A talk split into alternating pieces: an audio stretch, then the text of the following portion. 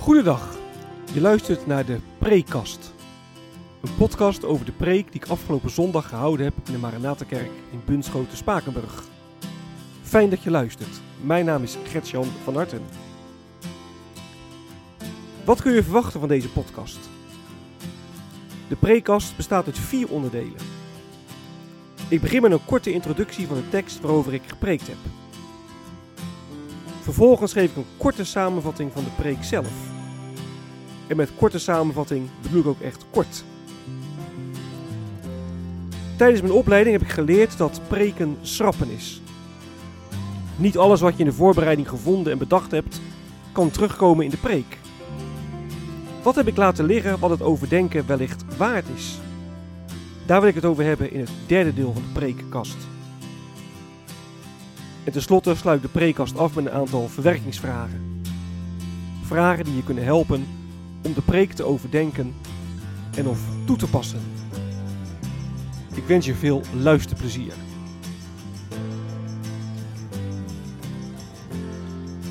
De tekst.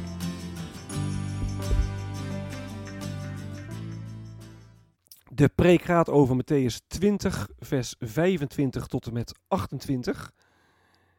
En we hebben gelezen vers 17 tot en met 28. En daar lezen we dat Jezus op weg is naar Jeruzalem. Hij zegt dan tegen zijn uh, discipelen dat hij in Jeruzalem ter dood zal worden gebracht. Dat hij zal sterven, maar dat hij op de derde dag zal worden opgewekt. En dan vraagt de moeder van Jacobus en Johannes, twee van Jezus' leerlingen, aan Jezus: Als u straks op uw troon zit in uw koninkrijk, mogen mijn twee zonen dan aan uw linker en aan uw rechterhand plaatsnemen? En zegt Jezus: Nou, dat is, uh, dat, uh, is niet aan mij, dat uh, bepaalt de Vader. God de Vader die bepaalt wie de erepositie krijgt. Nou, de andere leerlingen die horen dit en die zijn echt ontzettend boos op Jacobus en Johannes dat ze dat, dat, ze dat aan Jezus hebben durven vragen. En dan zegt Jezus, en dan komen we bij de tekst, nou heersers in deze wereld die mis, misbruiken hun macht, hè, ze onderdrukken volken. Zo mag het bij jullie niet gaan. Als jullie belangrijk willen zijn, dan moet je de ander dienen. je moet een, een, een dienaar van de anderen zijn. de mensenzoon is ook gekomen om, om te dienen en niet om gediend te worden. En hij heeft zijn leven gegeven als losgeld voor velen. De preek.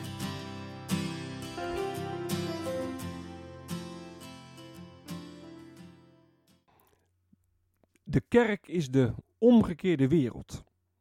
Dat was het thema van de preek. De vraag die in de tekst aan de orde komt is: hoe gaan we nou in de kerk met elkaar om? Hoe gaan we om met macht? Hoe gaan we om met elkaar? En dan zegt Jezus: Nou, hoe het in de wereld toe gaat, dat weten we allemaal wel. In de wereld geldt het recht van de sterkste. En een machthebber die doet er alles aan om, om zijn eigen positie zo sterk mogelijk te maken. En een machthebber die, die onderdrukt volken, allemaal voor zijn eigen uh, gewin. En dan zegt Jezus tegen zijn, uh, tegen zijn leerlingen, dat moet in de kerk anders zijn. In de kerk moet je niet uitzien op macht, dan moet je niet uitzien op invloed. In de kerk moet je elkaar dienen. Nou, toch kunnen we ook in de kerk wel over een ander heersen. we kunnen natuurlijk heel, heel mooi zeggen, Jezus is koning van de kerk, dat kunnen we beleiden. Maar ondertussen kunnen we toch stiekem onszelf uh, op de troon zetten. En dan proberen we op allerlei manieren ervoor te zorgen dat het in de kerk gaat ja, zoals wij het willen. En dat kun je op verschillende manieren doen. Hè. Je kunt uh, een groep gelijkgezinden om je heen verzamelen. Hè, want denk je, samen sta je sterk, ga je een groepsvorming doen. Samen met elkaar, dan heb je invloed en dan kun je iets voor elkaar krijgen. Nou, het is in, in, wereldse termen denken over macht. Maar je kunt ook chanteren. Je zegt, kunt zeggen, als het in de kerk niet gaat zoals ik het wil, nou dan, dan, betaal ik geen VVB meer. Of dan wil ik geen, geen functie uh, meer, uh, meer uitoefenen. Of dan, dan onttrek ik me, dan ga ik naar een andere gemeente toe. Nou, Jezus zegt, zo moet het niet toegaan in de kerk, je moet elkaar dienen. En dat maakt hij dan duidelijk hè, als de moeder van Jacobus en Johannes aan Jezus vraagt of haar zonen een erepositie mogen krijgen als het koninkrijk van Jezus gevestigd is. En in dat kader zegt Jezus dan, nou, in mijn koninkrijk, daar is het heel anders dan in de wereld. In mijn koninkrijk draait het om het dienen van elkaar. En met andere woorden, je bent geen, geen consument in de kerk, maar een dienaar. Je bent gericht op het welzijn van de ander. En daarmee is de kerk echt ja, de omgekeerde wereld. Ja, nu is een oproep om elkaar te dienen, los van het evangelie van Jezus Christus, ja, zinloos. Dan is het een, een, een zweep over je leven. Je moet elkaar dienen. Terwijl je misschien daar helemaal geen, geen zin in hebt of dat helemaal niet wilt. Nou, het evangelie vertelt dat Jezus ons voorging in het dienen. Dus als je het over dienen hebt, moet je altijd eerst naar Jezus Christus kijken.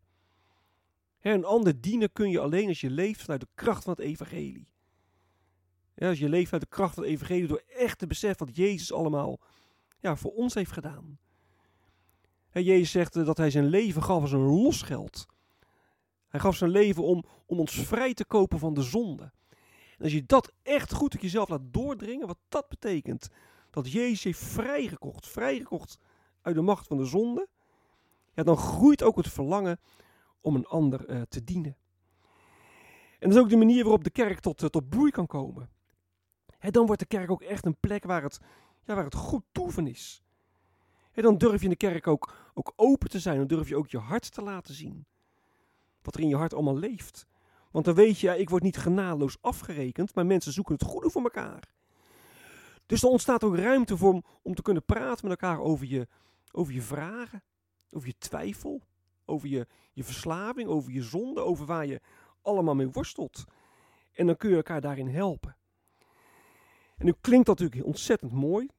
En ik weet ook echt wel dat de praktijk veel weerbarstiger is dan de theorie. Maar dat neemt niet weg dat dit wel is wat God ons geven wil. En waar wij ons dus ook vol verlangen naar mogen, naar mogen uitstrekken.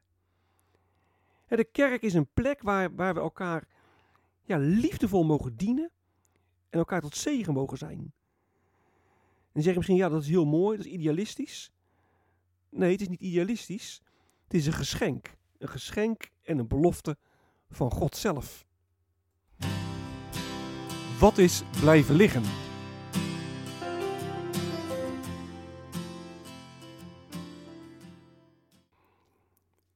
Ik wil dit keer twee punten noemen die ik in de preek uh, verder niet uh, behandeld heb.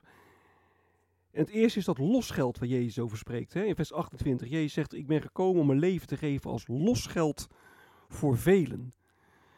Ik zei in de preek al, uh, dat losgeld dat verwijst naar de prijs die er betaald werd voor slaven, om slaven vrij te kopen.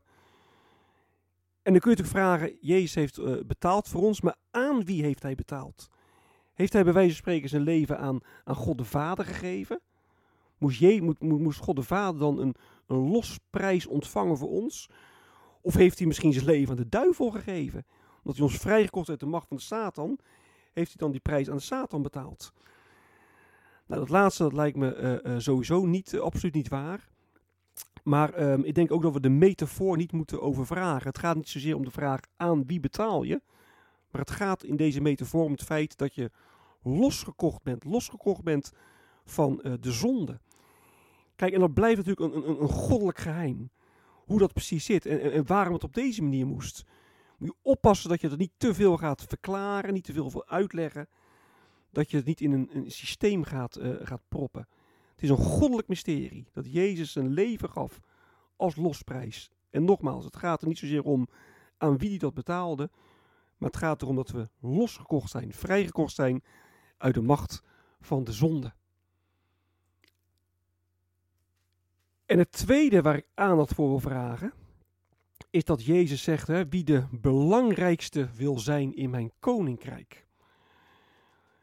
Hè, de moeder van uh, Jacobus en Johannes die vroeg ook, als u straks in uw koninkrijk zit, mogen mijn twee zonen dan een erepositie uh, krijgen. En als de vraag van, kun je zeggen dat er in Gods koninkrijk, of heel concreet, straks op de nieuwe aarde, ook een bepaalde rangorde is. Is daar de ene belangrijker dan de ander? Nou, ik denk dat de Bijbel wel um, aanwijzingen geeft dat er um, onderscheid, dat er een bepaalde gradatie is in, in straf, maar ook in, in, in beloning, om het zo te zeggen. Kijk, als het gaat om straf, dan, hoor je, dan zie je bijvoorbeeld dat Jezus een aantal keren zegt: Het zal in de dagen van het oordeel voor Sodom en Gomorra draaglijker zijn dan voor Capernaum. Dus kennelijk is er een bepaald onderscheid in, in oordeel. Maar er zijn ook wel aanwijzingen dat er ook uh, in, in, in, Gods koninkrijk zelf wel verschillende uh, gradaties zijn. Ik denk bijvoorbeeld aan, Lazarus, hè, die na zijn dood in de schoot van Abraham mag, uh, mag, mag, verkeren. Nou, die schoot, om zo te zeggen, past natuurlijk niet iedereen. Maar Lazarus, die mag daar zijn. Maar goed, misschien overvraag je dan ook dan wel een, een bepaalde gelijkenis. Dat kan natuurlijk ook. Maar ik denk ook aan, aan, wat Jezus zegt in Lucas 19 bijvoorbeeld. Hè? Dan vertelt Jezus ook een gelijkenis. En zegt hij, een, een, een belangrijk man die, die ging op reis. En hij liet het bestuur eh, ehm, van zijn bezit over aan, aan zijn knechten. En hij gaf ze allemaal uh, honderd drachmen en dan moesten ze hem handel mee drijven. En als je dan terugkomt, en dan zegt uh, de ene knecht, nou, ik, heb, ik ben aan de slag gegaan met het geld. Het heeft het tienvoudig opgeleverd. En dan zegt die meester, je bent een goede dienaar, je bent heel betrouwbaar geweest. Ik geef je het bestuur over tien steden. En dan komt er een andere knecht en die zegt, nou ja, ik, uh, ik ben ook aan de slag gegaan. Ik heb het een vijfvoudig, ik heb vijfvoudig terugverdiend. En ook tegen hem zegt Jezus, nou jij krijgt dan het bestuur over vijf steden toegewezen. En die derde dienaar, ja, die heeft het talent begraven, die heeft er niks mee gedaan. En hem wordt dan alles uh, ontnomen. Maar de ene krijgt dus als beloning tien steden, de ander vijf. Dus wellicht is het ook een aanwijzing dat er in het koninkrijk van God ook wel een bepaalde rangorde is. Ik weet niet hoe ik dat precies moet zien. Ik kan me voorstellen, maar dat is gewoon een, een, een gedachtespinsel voor mij hoor. Dat uh, geef ik graag uh, voor beter. Dat mensen die hier tijdens hun leven ontzettend veel geleden hebben. Omwille van het evangelie. Omwille, omwille van hun geloof in Jezus Christus. Dat die bij wijze van spreken straks vooraan staan in Gods koninkrijk. En dan denk ik aan vervolgde christenen in Noord-Korea bijvoorbeeld. Maar goed, ik kan dat niet, niet, niet, niet, niet, niet, hard maken. Maar dat is een, nou goed, iets waar je ook nog over, over na kunt denken. Maar hoe dan ook, of nou wel of geen rangorde is, duidelijk zal zijn dat op de nieuwe aarde we wel allemaal volmaakt zijn. Hè? We zullen daarin niet jaloers zijn uh, op elkaar gelukkig. Maar goed, het is wel goed om daar eens over na te denken. Verwerkingsvragen.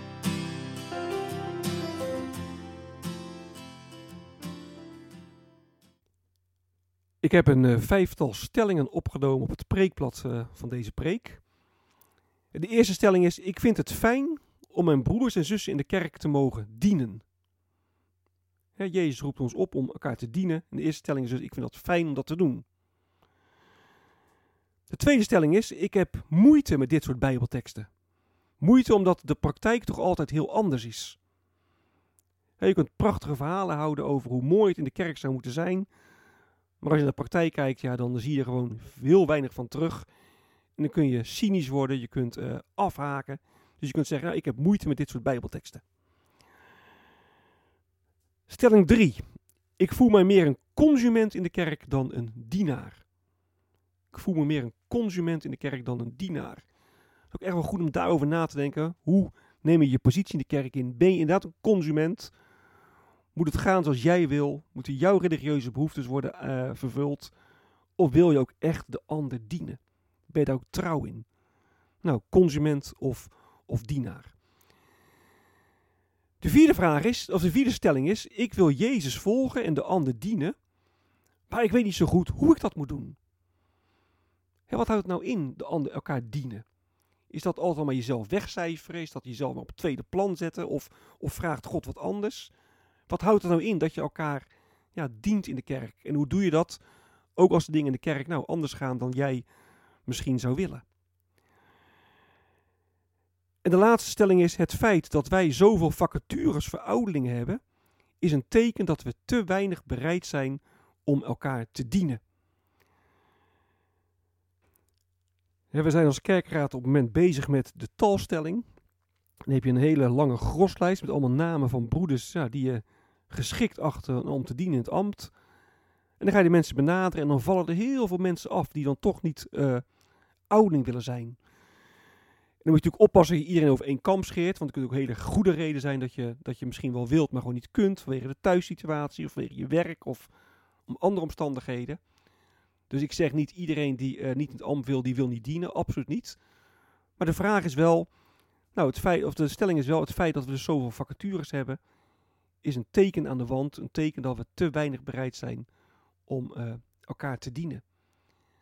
En dat is nogmaals geen beschuldiging naar mensen toe, maar gewoon een, stelling waar je nou ook over na kunt denken. Dit is het einde van de prekast.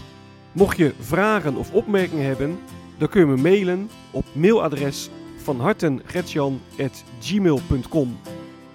van hartengretjan.gmail.com. Ik wens je nog een hele prettige dag. Hartelijk dank voor het luisteren. En wie weet, tot een volgende keer.